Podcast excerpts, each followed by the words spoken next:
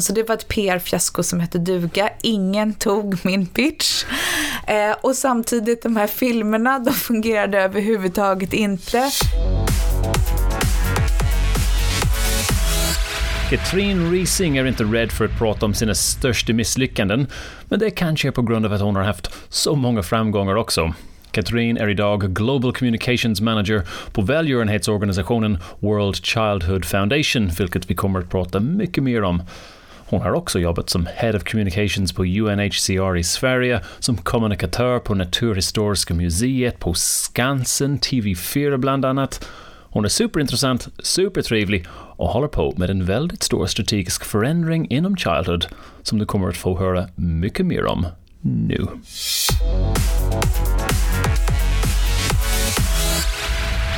Jättevälkommen till Contentpodden.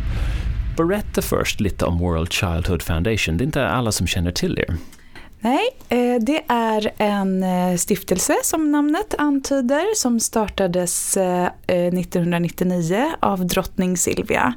Drottning Silvias önskan var att nå de allra mest utsatta barnen och hon sa också så här att det kan inte finnas för många barnrättsorganisationer men däremot så kan ju eh, den här organisationen välja då en, en nisch och det är just de allra mest utsatta barnen.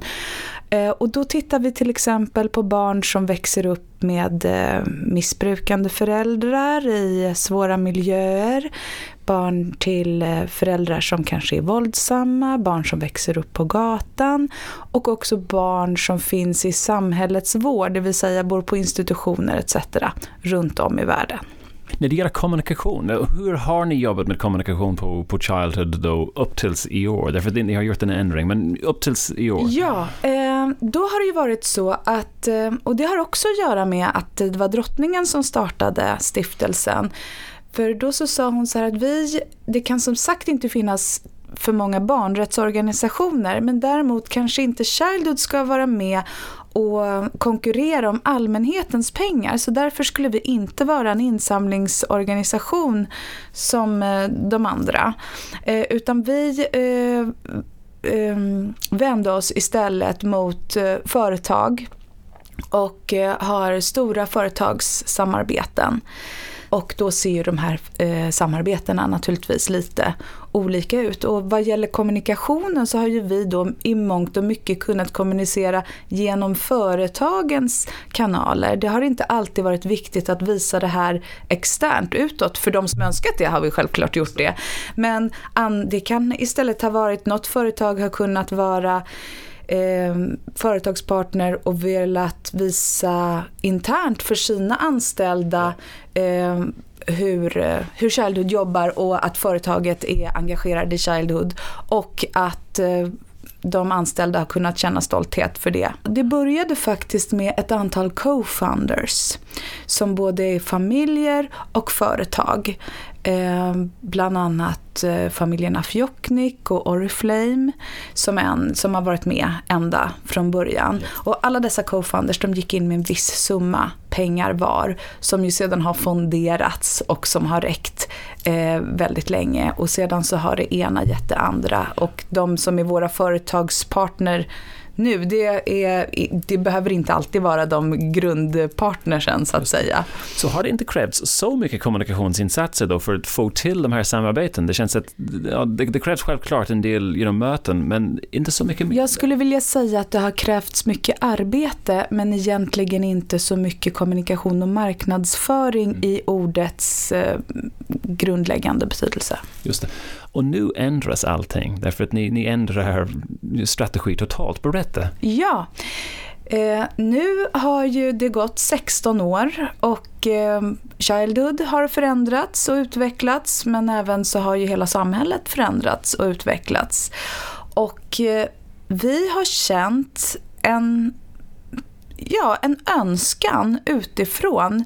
Det, det, kommer ofta, eftersom vi är på många events till exempel, som ju också är publika, det är ju inte bara för, för företagens skull, så finns det många människor som vill stödja oss. Och det som vi har kunnat erbjuda hittills, ja det är klart att du har kunnat sätta in en peng på vårt 90-konto. Det har gått bra. Men vi har ju inte haft något eh, professionellt program för det. Eh, och det som de flesta brukar eh, tänka på Childhood är det här Childhood armbandet. Det har ju allmänheten kunnat köpa länge. Men nu har vi bestämt oss för att även vi är mogna för att starta ett månadsgivarprogram. Okay. Så att eh, sedan i mitten på maj ungefär nej inte ens det, slutet på maj, okay. så har det varit möjligt att bli månadsgivare i Childhood. Okay, men det här också krävs en hel del andra sorters kommunikations och marknadsföringsinsatser, därför att nu är det ute mot allmänheten. Och hur, hur, men det kommer att kräva ganska mycket av er, så hur har ni tänkt där med just marknadsföring och kommunikation? Dels så kommer vi jobba mycket, mycket mer aktivt med eh, innehåll på vår hemsida och jobba mycket i egna kanaler. Vi har långsamt men stadigt byggt upp eh, vår Facebook-sida som vi jobbar väl, väldigt strategiskt med, eh, liksom vårt Instagramkonto. Eh, vi har ett nyhetsbrev som ökar antalet eh, prenumeranter hela tiden. Men självklart vår stora kanal som är absolut viktigast, det är vår webbsida. Så att vi jobbar mycket i egna kanaler. Vi kommer jobba mycket också med pressbearbetning. Det är också någonting nytt. Där har vi varit, hållit en ganska låg profil i många, många år. Eh, där vi självklart har ställt upp för media men inte aktivt försökt att eh, eh, synas i media. Det ändras också nu. Eh, och sedan så gör vi dessutom extern marknadsföring vilket vi inte har gjort på jag vet inte hur många år. Okay. Men en stor kampanj som startade i juni och som pågår ända till årsskiftet. Så det är, och du kan berätta lite om den här, därför det här handlar om den här um, kampanjen Barns lycka ligger i vuxnas händer, eller hur? Så berätta lite om, om den kampanjen och hur ni har jobbat med den, hur ni har kommit fram till den och, och hur den kommer att gå ut. Ja, det är um, det har varit en väldigt lång process som eh, startade för flera år sedan. Dels så tänkte vi oss att vi skulle ha en varumärkesbyggande kampanj. Att Eh, vi, vi har en ganska hög varumärkeskännedom men vi önskar att den ska bli högre och framförallt bland allmänheten självklart. För vi tänker att eh, om du inte vet vilka Childhood är så då vill du heller inte skänka pengar till Childhood. Så att den här kampanjen den går, den går ut på, den fokuserar på just vuxennärvaro i barns liv och så som den ser ut är att vi fokuserar och visar många bilder på händer. Vi säger att barns lycka ligger i vuxnas händer och vi ser till exempel en barnhand och en vuxenhand som håller i varandra och så förenas de av armbandet, childhood-armbandet. Och då så är vårt budskap då, barns lycka ligger i vuxnas händer, hjälp dem att inte tappa taget. För det är ju där som vi med vårt arbete kommer in, att det kanske kan finnas, säg att det finns en väldigt ung förälder som får ett barn och som inte riktigt vet, orkar, kan, har möjlighet att ta hand om sitt barn, känner att det är bättre att det här barnet får växa upp utan mig. Men med rätt stöd, med rätt hjälp så, så kanske så kan de faktiskt klara av det utan att tappa taket. Just det. Det är, det är knepigt att kommunicera men vi hoppas att det ska gå fram. Och reklambyrån som har hjälpt oss med det här har tagit jättefina bilder, gjort en väldigt fin film. Och så ni vet egentligen 2016 kanske, eller slutet av året, att om det här har fungerat bra ja, eller Ja, därför att vi innan vi satte igång kampanjen så gjorde vi en undersökning på, eh, om vi nu pratar varumärke till att börja med, så gjorde vi en, eh, en så kallad baseline som vi säger i vår yes. bransch. Eh, för att se var ligger vi nu och vi kommer göra ytterligare en då om ett år för att se har Bra eh, Eh, har varumärkeskännedomen ökat och då hoppas, då är det ju svårt att veta exakt vad kampanjen har gjort och våra andra eh, åtgärder men vi får försöka göra undersökningen på något smart sätt så att vi kan eh, veta vad som är vad. Och det är det ena och det andra är ju att se hur, hur många eh, nya månadsgivare vi har fått. För att det är eh, till exempel våra online banners och så vidare, de går ju direkt till anmälningen på vår hemsida. Okay. Berätta lite också om eh, hur beroende ni är av, av just drottning Silvia som är founder och, och idag också prinsess Madeleine som är, är, är rätt så involverad. Hur mycket drar kungahuset? Vi är ju en stiftelse och vi jobbar ju på även utan dem. Men jag skulle vilja säga att de är viktiga. Du har den här thank you, det är inte thank you-kampanj, men det är någon slags thank you sort of initiativ som, mm -hmm. som ni har med Madeleine. Kanske yeah. berätta lite om den? Ja, eh, det startade för några år sedan när prinsessan Madeleine arbetade på Childhood i USA. Och eh, jag nämnde lite grann här tidigare att det ibland är det knepigt att kommunicera vad är det vi gör på ett enkelt ja. sätt. Och då var tanken att vi vänder på den steken. Vi vet, Childhood står ju för, och precis som den kampanjen som jag berättade om nu, där vi pratar väldigt mycket om att vi vill ge barn goda barndomsminnen och vi vill också poängtera vikten av en vuxen i ett barns liv. Så att om vi istället för att kommunicera problematiken, så här är det för ett barn som inte har en viktig vuxen. Titta på oss som är eh, vuxna människor idag kanske och var det någon i vår barndom som betydde mycket och som vi kanske vill lyfta upp lite extra och säga tack till. Så därför så startades eh, då det initiativet Thank You som började i USA men som vi nu gör i alla våra stiftelser. Eh, och eh, där, eh, där vi hittar på olika aktiviteter för att kunna säga, för att kunna säga tack. Till exempel till en mamma, till en granne, till en ja. barndomskamrat etc. Och det lyfter fram just samma budskap att, att väldigt mycket ligger i vuxnas händer. Ja, visst är det så.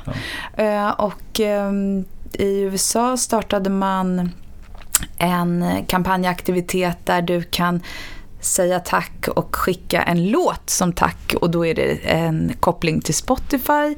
Här i Sverige har vi nu eh, under sommaren haft en eh, kampanj på Instagram där vi ber då ehm, vem som helst, men där, vi ber att posta en bild från din barndom och ehm, och, och, berätta vem som har betytt mycket för dig. Och sedan så har vi lite grann travesterat på det här TBT, Throwback Thursday, så ja, kallar vi det för Throwback Thank You istället. Okay. Så att eh, det, det har varit en lyckad eh, kampanj. Ja, och sedan så finns det ju massa andra olika sätt där vi kan använda det här Thank You konceptet. Så att det, det lever hela tiden men sedan så gör vi olika typer av kampanjaktiviteter. Vi kommer att se mer av den här Thank You framöver. Ja, men det är jag övertygad om. Du har jobbat med många olika välgörenheter, UNHCR, ActionAid, men även privata bolag, Skansen, Naturhistoriska, om jag kommer ihåg det rätt. Skillnaden där mellan välgörenhet och privata bolag, vad är det största skillnaden? Eller hur, ser, hur kan du jämföra? Dels är det ju skillnad på, om man tänker sig museivärlden där jag var, just Naturhistoriska, det är ju en statlig myndighet och det har sina eh, problem och möjligheter. eh, sedan så har jag ju varit i den kommersiella världen också. Eh, och sedan så i organisationsvärlden. Jag skulle vilja säga att den största skillnaden är att i ett kommersiellt företag, särskilt ett börsnoterat företag, då är ju målet och verksamheten att tjäna så mycket pengar som möjligt för att det ska ge avkastning till aktieägarna. Därför blir det väldigt lätt att prioritera. Fungerar inte den här marknadsföringsaktiviteten, ger den inte det vi har, har, har sagt, bort med den, gör någonting annat. Sedan så är det ju heller ingen hemlighet att ett börsnoterat företag jag vågar nog påstå i, i nästan alla fall har en mycket större marknadsförings och kommunikationsbudget än vad jag har haft att röra mig med. Men ni måste också dra in, eller försöka dra in så mycket pengar som möjligt också. Det är just det ändamålet är lite annorlunda. Visst, det ändamålet är annorlunda eh, och visst är vårt mål att dra in så mycket pengar som möjligt. Pengar som ju då förstås ska användas i verksamheten. Så därför är ju också våra budgetar för kommunikation och marknadsföring ganska små. Samtidigt så gäller det ju att komma ihåg, och det här är ju knepigt att berätta för allmänheten, att det kostar pengar att samla in pengar. Om vi lägger ner jättemycket pengar på att göra en framgångsrik kampanj, den skulle kanske kosta flera miljoner. Å andra sidan så kanske vi då under en kort tid kan dra in enormt mycket mera miljoner än vad vi hade gjort annars. Men känns det problematiskt? Det, vill säga, det, måste, det finns en slags en allmän uppfattning att nej, men ni är en välgörenhet, ja. ni får inte spendera pengar på marknadsföring. Samtidigt, om ni spenderar mer pengar på marknadsföring så, så drar ni in ännu mer pengar som går till ett gott ändamål. Det, det, och det, det, är en, det är en svår balansgång och framförallt så uh, måste jag bli bättre, men även mina kollegor i branschen blir bättre på att berätta det. Och jag ser ju att alla alla har den här utmaningen i, i att förklara det. För att en, en väldigt vanlig uppfattning som jag ser när jag ser hur till exempel eh, människor kommenterar på organisationers Facebook-sidor och liknande. Att er kommer jag aldrig stödja som lägger så här mycket pengar på reklam. Då är ju de flesta väldigt duktiga på att förklara varför det läggs pengar på reklam och att det då samlas in mer. Men det är klart att eh, många har ju den uppfattningen att nej men då, då mina pengar ska inte gå till reklam, de ska gå direkt till det här barnet. När det gäller just, I mean, för att sticka ut, därför det mm. finns, måste finnas en kamp bland organisationer också, välgörenhetsorganisationer också. Alla försöker... Det hur, hur sticker man ut där? Eller du kanske har andra exempel från andra organisationer du har jobbat på, för du var hyfsat ny på Childhood. Ja, det är ju svårt att, att sticka ut. Men en särskild kampanj, på ActionAid så gjorde vi eh, just en extern kampanj en gång om året och det var på julen. Och då var ju vi väldigt tidigt ute med att lansera virtuella gåvor och vår absoluta flaggskeppsprodukt var ju en get. Ge bort en get till en fattig kvinna. Och då valde ju vi att jobba med humor. Vi eh, kunde självklart berätta om problematiken bakom och att geten var lösningen, för det var ju själva idén. Men så som vi kommunicerade det så var det ju att det här är, en ro, det, det här är kul. Så vi gjorde eh, all, i alla de kampanjer som jag var med och gjorde i alla fall, där använde vi geten eh, med komik. En get som äter upp ett paket, en get som är inslagen i ett paket. Nästa år hade geten ätit sig ur paketet och hade massa snören i munnen och så vidare och så vidare. Vi gjorde, vi hade faktiskt, det var helt fantastiskt, en person som hjälpte oss att helt gratis göra en liten reklamfilm där en person försöker slå in en get. Okay. det var faktiskt väldigt roligt. Men vilken sorts utveckling, eller vilken sorts respons fick ni från just den här kampanjen då? Ja, men den gick väldigt bra eh, varje år och den, den, var ju, den skulle ju generera till köp. Det skulle ju vara kort mellan eh, att du ser den och att du köper. Så att den gick ut den syntes eh, framförallt i trafikreklam och eh, sedan så online banners så att du bara skulle kunna enkelt enkelt köpa, köpa geten. Och det gör folk? Jajamän. Okej, okay, bra. Svårare på Airport Childhood att göra någon slags virtual gåva? Ja, men vi kommer nog att göra det. Det eh, skulle jag nog eh, se. Vi sitter och funderar på det. Men vad okay. vi kan erbjuda på Childhood ja. så har vi i alla fall armbandet som ja, du kan köpa i vår, i vår webbshop. På Childhood ni har jobbat med olika sorters marknadsföringsaktiviteter. Ni har galar och events och sånt. Hur jobbar ni där? Ja, är, jag tycker att det är svårt att säga vad som ger mest utväxling. Vad som nu har vi pratat mycket om armbandet men det är också en, en väldigt känd del i Childhood som just allmänheten känner till. Däremot så, det är klart att vi säljer en del armband men det är inte en jättestor del av inkomsten till Childhood. Så att på så sätt kan jag inte säga att det är en stor utveckling. Å andra sidan så är ju det väldigt varumärkesbyggande och det är också värt väldigt, väldigt mm. mycket. Så vi kommer alltid att jobba med armbandet på ett eller annat sätt. Så, så det är en viktig symbol för oss. Eh, annars så skulle jag vilja säga att ett sånt samarbete, om jag lyfter upp några av de eventen vi gör så tycker jag att de är väldigt bra på flera olika sätt. För dels så är det en rolig aktivitet eh, tillsammans med en företagspartner där vi kanske också ofta kan bjuda in andra av våra partners och de kan få nytta av varandra på olika sätt.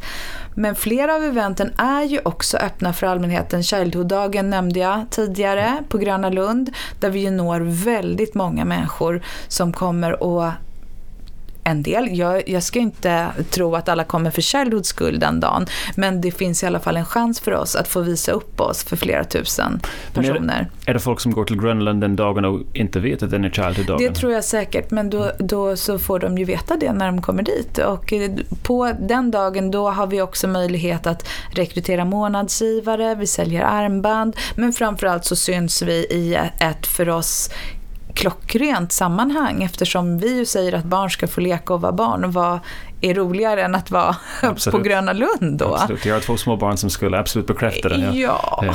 Eh, eh, när det gäller, men när det gäller det också, men får ni en del PR runt omkring en sån dag? Ja, visst får vi det.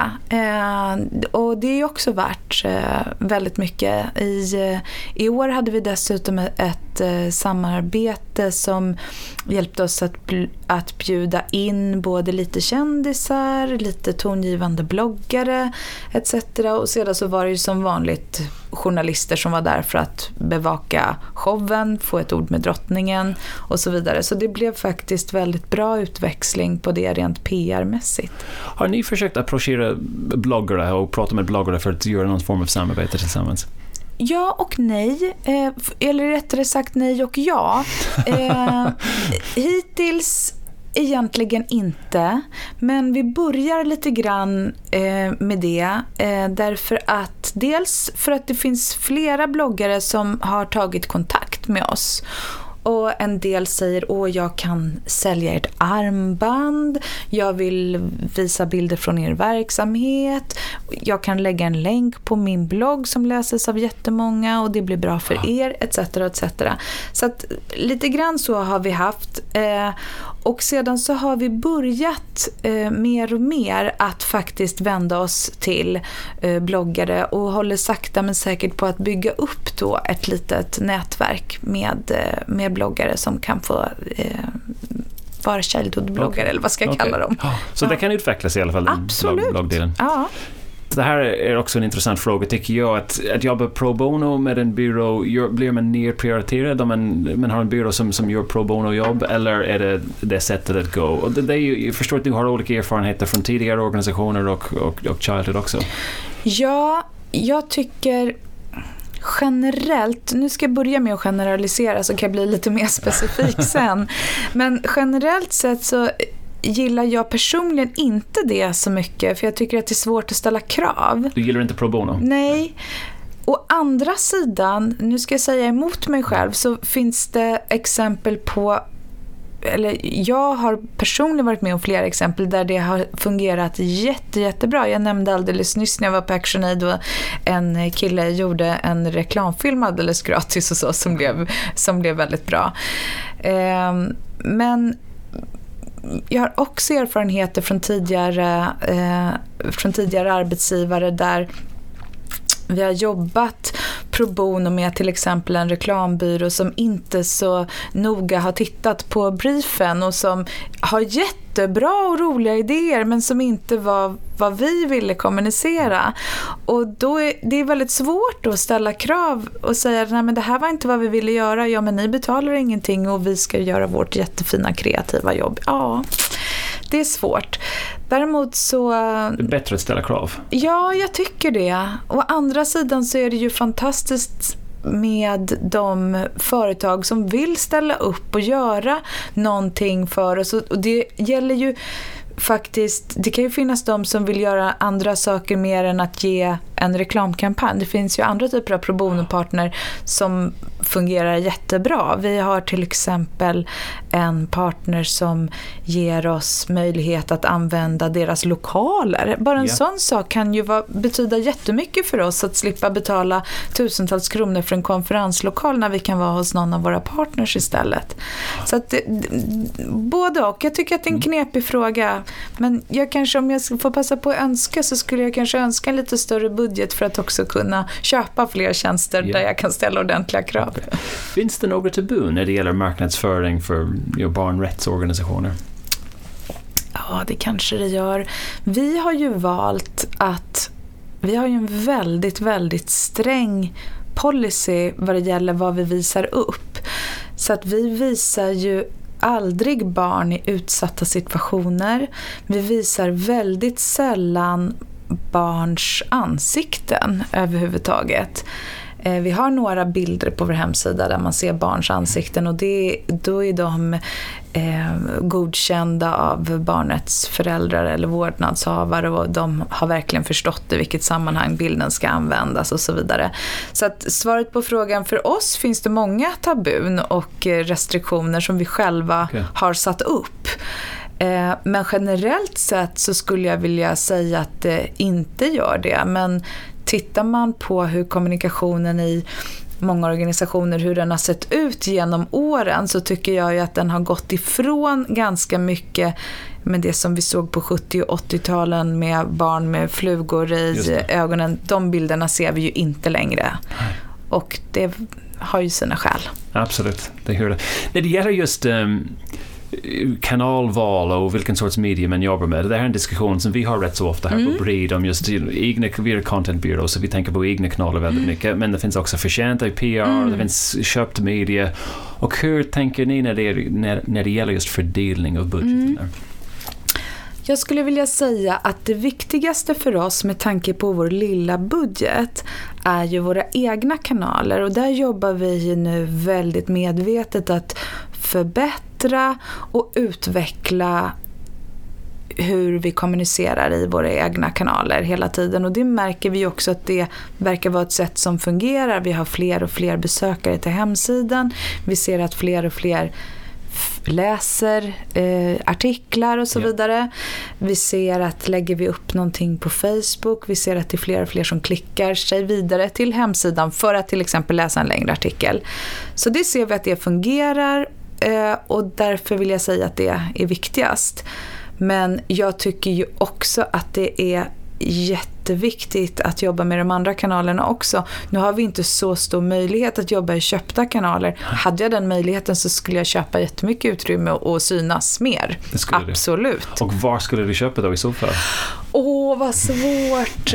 eh, ja, om jag inte hade några budgetrestriktioner så skulle jag gå utomhus. Eh, jag skulle titta på någon smart, eh, någon, någon bra sån här bannerannonsering i något trevligt nätverk och synas på bra okay. ställen. Eh, utomhus och trafikreklam tycker jag brukar vara okay. effektivt. Okay. TV-reklam, printreklam, är det mindre intressant nu idag?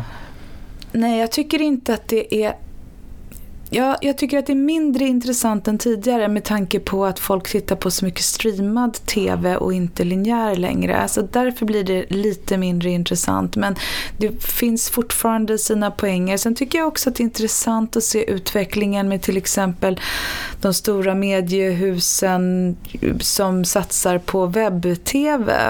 Där går det att synas. Jag tycker det är intressant att se möjligheter att annonsera till exempel på Youtube yeah. och, och nå nya målgrupper därigenom. Eh, så att, ja, det, är, det är spännande hur hela medielandskapet har utvecklat sig de senaste åren tycker jag. När det gäller egna kanaler mm. också, har ni valt bara några stycken? Därför man, man kan ha 20 olika egna ja, kanaler också. Ja, vi har valt några stycken. Eh, och där är ju vår, vår hemsida är absolut det viktigaste. Ja. Vi har också ett nyhetsbrev som jag nämnde förut. Vi jobbar väldigt medvetet på Facebook och vi jobbar mycket på Instagram. Och vi har även ett eh, Youtube-konto där vi lägger upp filmer.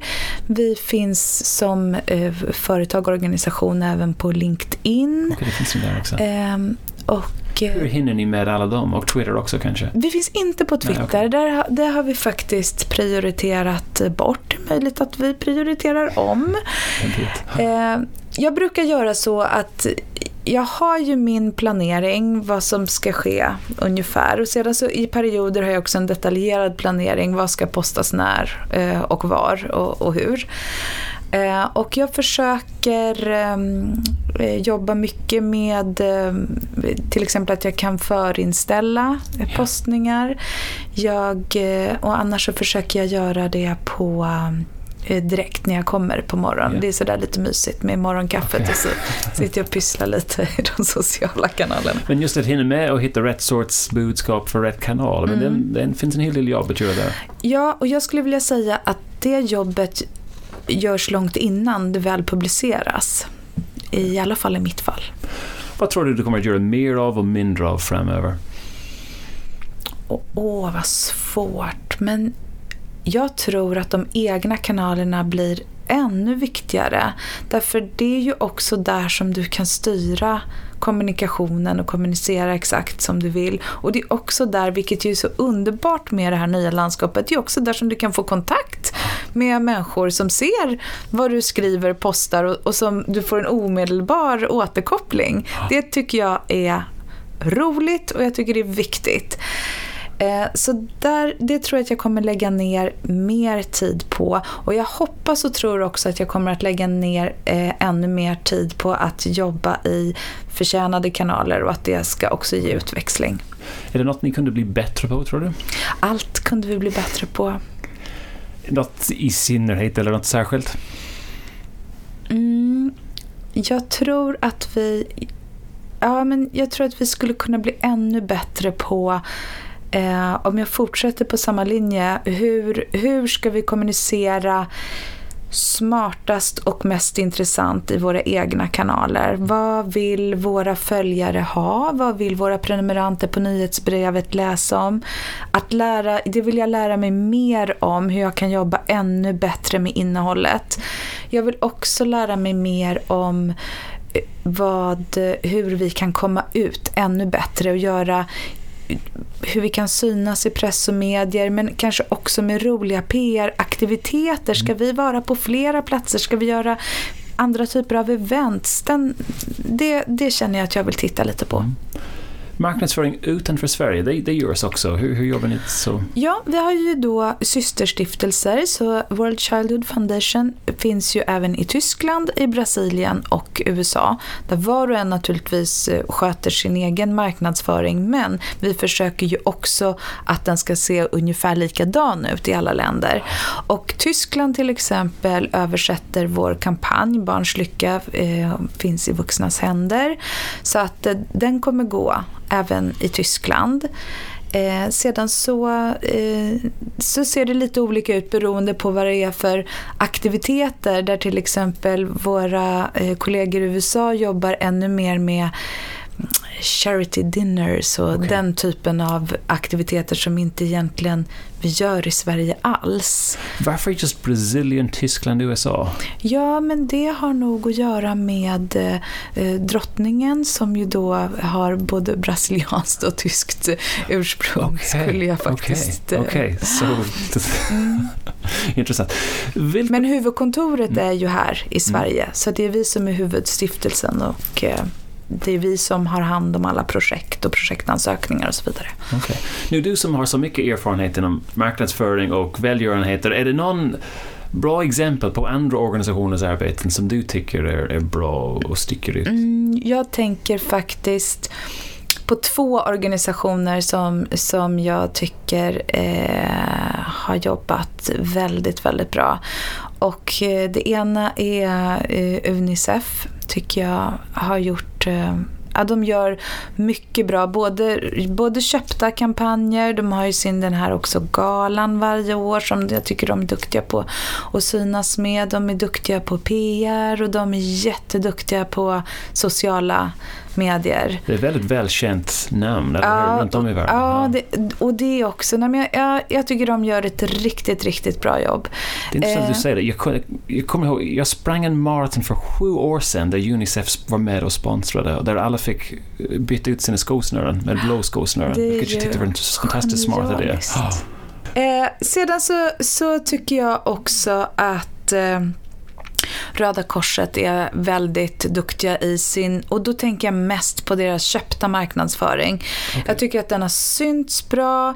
Eh, den syns till exempel när du är på Arlanda i olika situationer. De har ju ibland också stora utomhuskampanjer och de har ett väldigt genomtänkt maner som är lätt att känna igen. Jag tycker att de har gjort ja, både bra bild och bra copy som, som jag, ja, jag tycker de är väldigt duktiga. Är det andra företag utanför välgörenhetssfären som du tycker har, har jobbat bra med, med kommunikation och marknadsföring? Mm, jag har alltid varit väldigt förtjust i Arla. Jag tycker de gör väldigt fina kampanjer. Och min favorit där är Välkommen till Bregottfabriken med okay. kossorna. Tycker jag är jättefin. Mm. Eh, jag tycker de Ja, de har ju ja, de har fina kampanjer och de brukar synas bra i butik. Och, ja, men de, är, de är duktiga tycker jag. Och din, din, din egen karriär, har du någon, är det någon kampanj som du har varit mest glad över eller som det var den mest lyckade kampanj du, du har jobbat med? Mm. Ja, då så, om vi pratar om köpta kampanjer så vill jag nästan nämna två. Dels så vill jag ju, som jag har pratat förut om, geten på ActionAid. Där vi ju eh, sålde fler och fler getter för varje år. Så att någonting måste vi ha gjort rätt i alla fall. Och vi utvecklade den här geten då på det här, vi pratade om Just det förut, att den var rolig och det liksom såldes med komik. Så det, den vill jag definitivt nämna. Men sedan så på min eh, förra arbetsgivare när jag jobbade på UNHCR, då gjorde vi ju en väldigt fin, eller vi och vi med hjälp av en reklambyrå, så gjorde vi en väldigt fin film som vi släppte på Youtube som eh, heter The Search for Syria. Där du ser i filmen hur någon söker på Google och då är första sökningen car Sweden. Och då blir ju resultaten då en massa fina bilar, mycket Volvo-bilar. Och nästa sökning är Car Syria och då är det bara massa bombade bilar, massa bilvrak etc. Mm. Och så är det tre sökningar då. Det är också House Sweden, House Syria och sedan så får ju tittaren ont i magen för mm. nästa sökning är Children eh, Sweden med massa glada, blonda, friska barn och så Children Syria. Men så kommer vi också då till lösningen när det är Children UNHCR. Eh, och då så får vi ju se hur då UNHCR är en del av lösningen och barnen är, om inte glada, så åtminstone trygga igen. Den har synts väldigt nyligen, eller, ja, eller det den, pågår fortfarande? Den, ja, det kanske den gör, men det, det, den lanserades ju i vintras, slutet på januari, början på februari och sedan i mars så, så blev den ju faktiskt vald till månadens kampanj i Resumé. Så det är jag väldigt stolt och, och, glad över. Absolut. Nej, jag har sett den själv och vi ser till att lägga upp en länk nu på vår sida här så att folk kan gå in och, och, och titta på den. Mest intressant fråga för min del. Din mest misslyckade kampanj. Och vad har du kunnat, kunnat, man kan alltid lära sig otroligt mycket när man gör ett misstag, så det skulle vara jätteintressant att höra om en ja. misslyckad kampanj. Eh, och då får jag också ta ett exempel från, från ActionAid där vi hade en idé om att göra en kampanj kring den 8 mars, internationella kvinnodagen. Det var naturligtvis en viktig dag för oss symbolmässigt eftersom vi fokuserade på flickor och kvinnor. Vi tänkte då dels att vi skulle göra en liten köpt del där vi spelade in filmer med kända kvinnor och deras döttrar. Och den här skulle ju förstås bli viral då alla mm. skulle se den. Eh, så den köpte vi också platser för. Eh, samtidigt så skulle jag göra ett eh, PR, en pressbearbetningsdel där jag valde ut stories från fält som jag skulle försöka koppla ihop med någon svensk anknytning och jag tänkte så här, åh vad smart, det här ska jag göra i lokaltidningar. Och eh, så vi hittade då eh, supportrar till oss som kanske var faddrar eller på annat sätt stödde verksamheten. Som jag då på förväg hade identifierat och kontaktat och sagt att ja, du som är från Kalmar eh, och du stöder ActionAid, kan jag få använda dig och det här caset i, eh, och vända mig till tidningen? I, i din lokaltidning. Ja, det går jättebra. Och jag hade gjort en lista på säkert 50 tidningar där alla lokaltidningsredaktörer sa så här, ja men jag vet redan att vi har väldigt engagerade medborgare i den här kommunen men vi är inte intresserade av den nyheten. Så det var ett PR-fiasko som hette duga. Ingen tog min pitch. Eh, och samtidigt de här filmerna, de fungerade överhuvudtaget inte. De blev, eh, vissa av dem blev eh, hånade. Eh, ja, det var faktiskt väldigt tråkigt. Eh, och, men de, de flög inte. Eh, och trots vi hade ju både, dels så delade vi dem självklart i alla våra egna kanaler. men nej, det fungerade helt enkelt inte. Vad gick fel och vad kan man lära sig från den? Jag tror att vad jag lärde mig då var att lokaltidningar inte är så lättflörtade som jag hade eh, trott dittills. Eh, och att det, eh, kopplingen var för svag. Så det var rena PR-delen. De tyckte att det var... Många sa så här, ja men om Anna här från Kalmar reser och hälsar på sitt fadderbarn, då kan vi gärna göra någonting. Vi kan inte följa med på resan, men vi kan gärna publicera hennes egna bilder och hennes berättelse. Mm. Men inte bara det att hon är engagerad i det, det är så många som är. Det är inte unikt, det är inte intressant. Så det lärde jag mig jag lärde mig att själv, de här filmerna, jag tror inte det var något fel på filmerna egentligen, men vi var inte tillräckligt bra på att få ut dem. De, eh, det hände inget och vi hade väl heller inte någon tydlig koppling. Vad ska hända när jag har sett filmen? Vad ska jag göra? Vi hade ingen, ingen tydlig... Nej, vi hade inte det. Mm.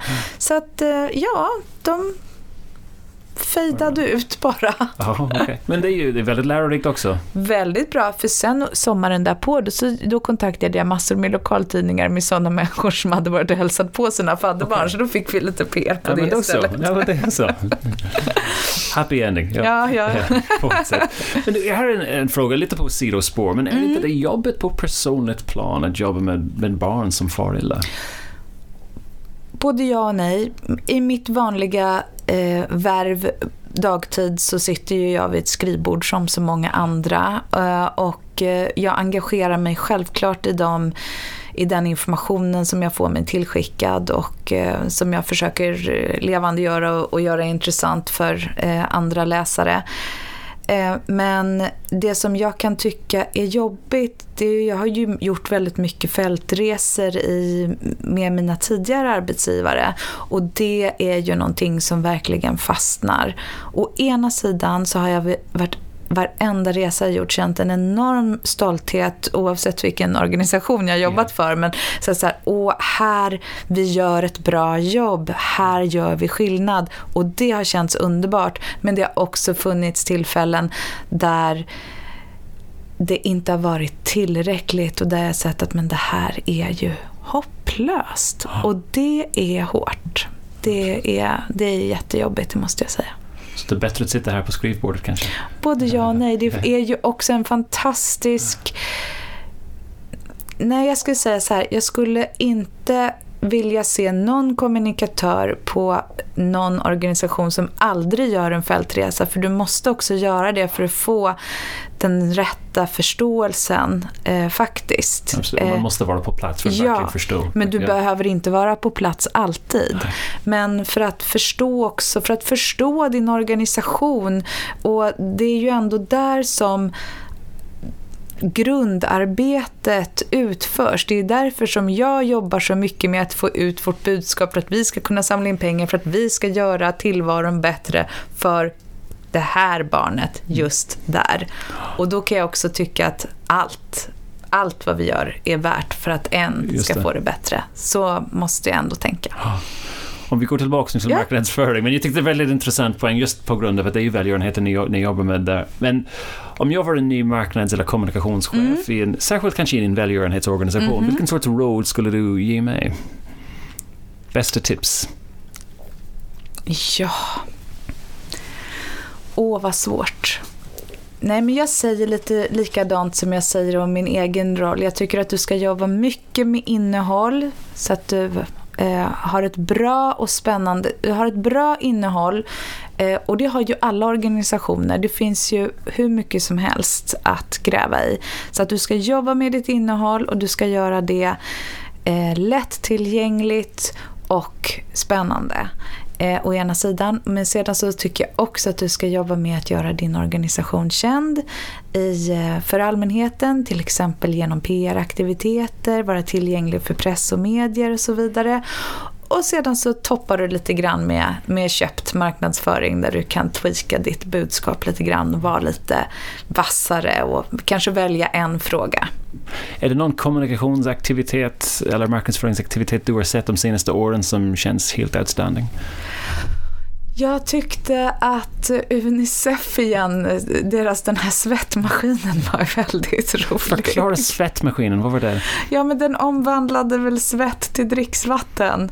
Och sedan så hade de någon, eh, ja men den var väl, väldigt eh, rolig tycker jag. Den, den, var, den var väldigt bra. Cool. Vilken marknads eller kommunikationschef skulle du vilja att vi snackar med uh, nästa gång? Åh, oh, vem vill jag att ni pratar med? Kanske Arlas? Vi ska försöka få tag i Jarles marknads eller kommunikationschef. Jag tycker det är en smart idé. Ehm, du, jag har en sista fråga. Det är en slags pest eller kolera-fråga mm. som vi ställer till alla. Okay. Um, och det vi har tänkt för dig, som blir en, en svår fråga, är att om du inte hade Sylvia som founder ja. och ansikte bakom, mm. bakom Childhood, men du fick välja mellan två personer. Jag kommer mm. att ge dig de här två personerna som du måste välja mellan. Okay. Så du får inte Sylvia. Du får välja antingen mellan Bert Karlsson eller Lordi, den här hard rock-bandet som vann Melodifestivalen 2006 ah. i Finland. Det är, de, det är de som ska fronta Childhood. Vilket ah. skulle du välja? Lordi alla gånger. och du måste motivera varför. Ja, men jag tänker så här. Jag såg 2006, det var nog en av de första gångerna som faktiskt mina barn tittade. Och de blev ju helt förtjusta i de här. Och okay. min dotter, hon är ju hårdrockare sedan dess. I och för sig mer förtjust i ACDC nu för tiden. Ja, smart Men ja. jag tänker att Lordi, de tilltalade barn och eh, jag är säker på att de är fantastiska ambassadörer för en barnrättsorganisation. Katrin Riesing, stort tack för att du ställer upp. Tack så mycket för att jag fick komma.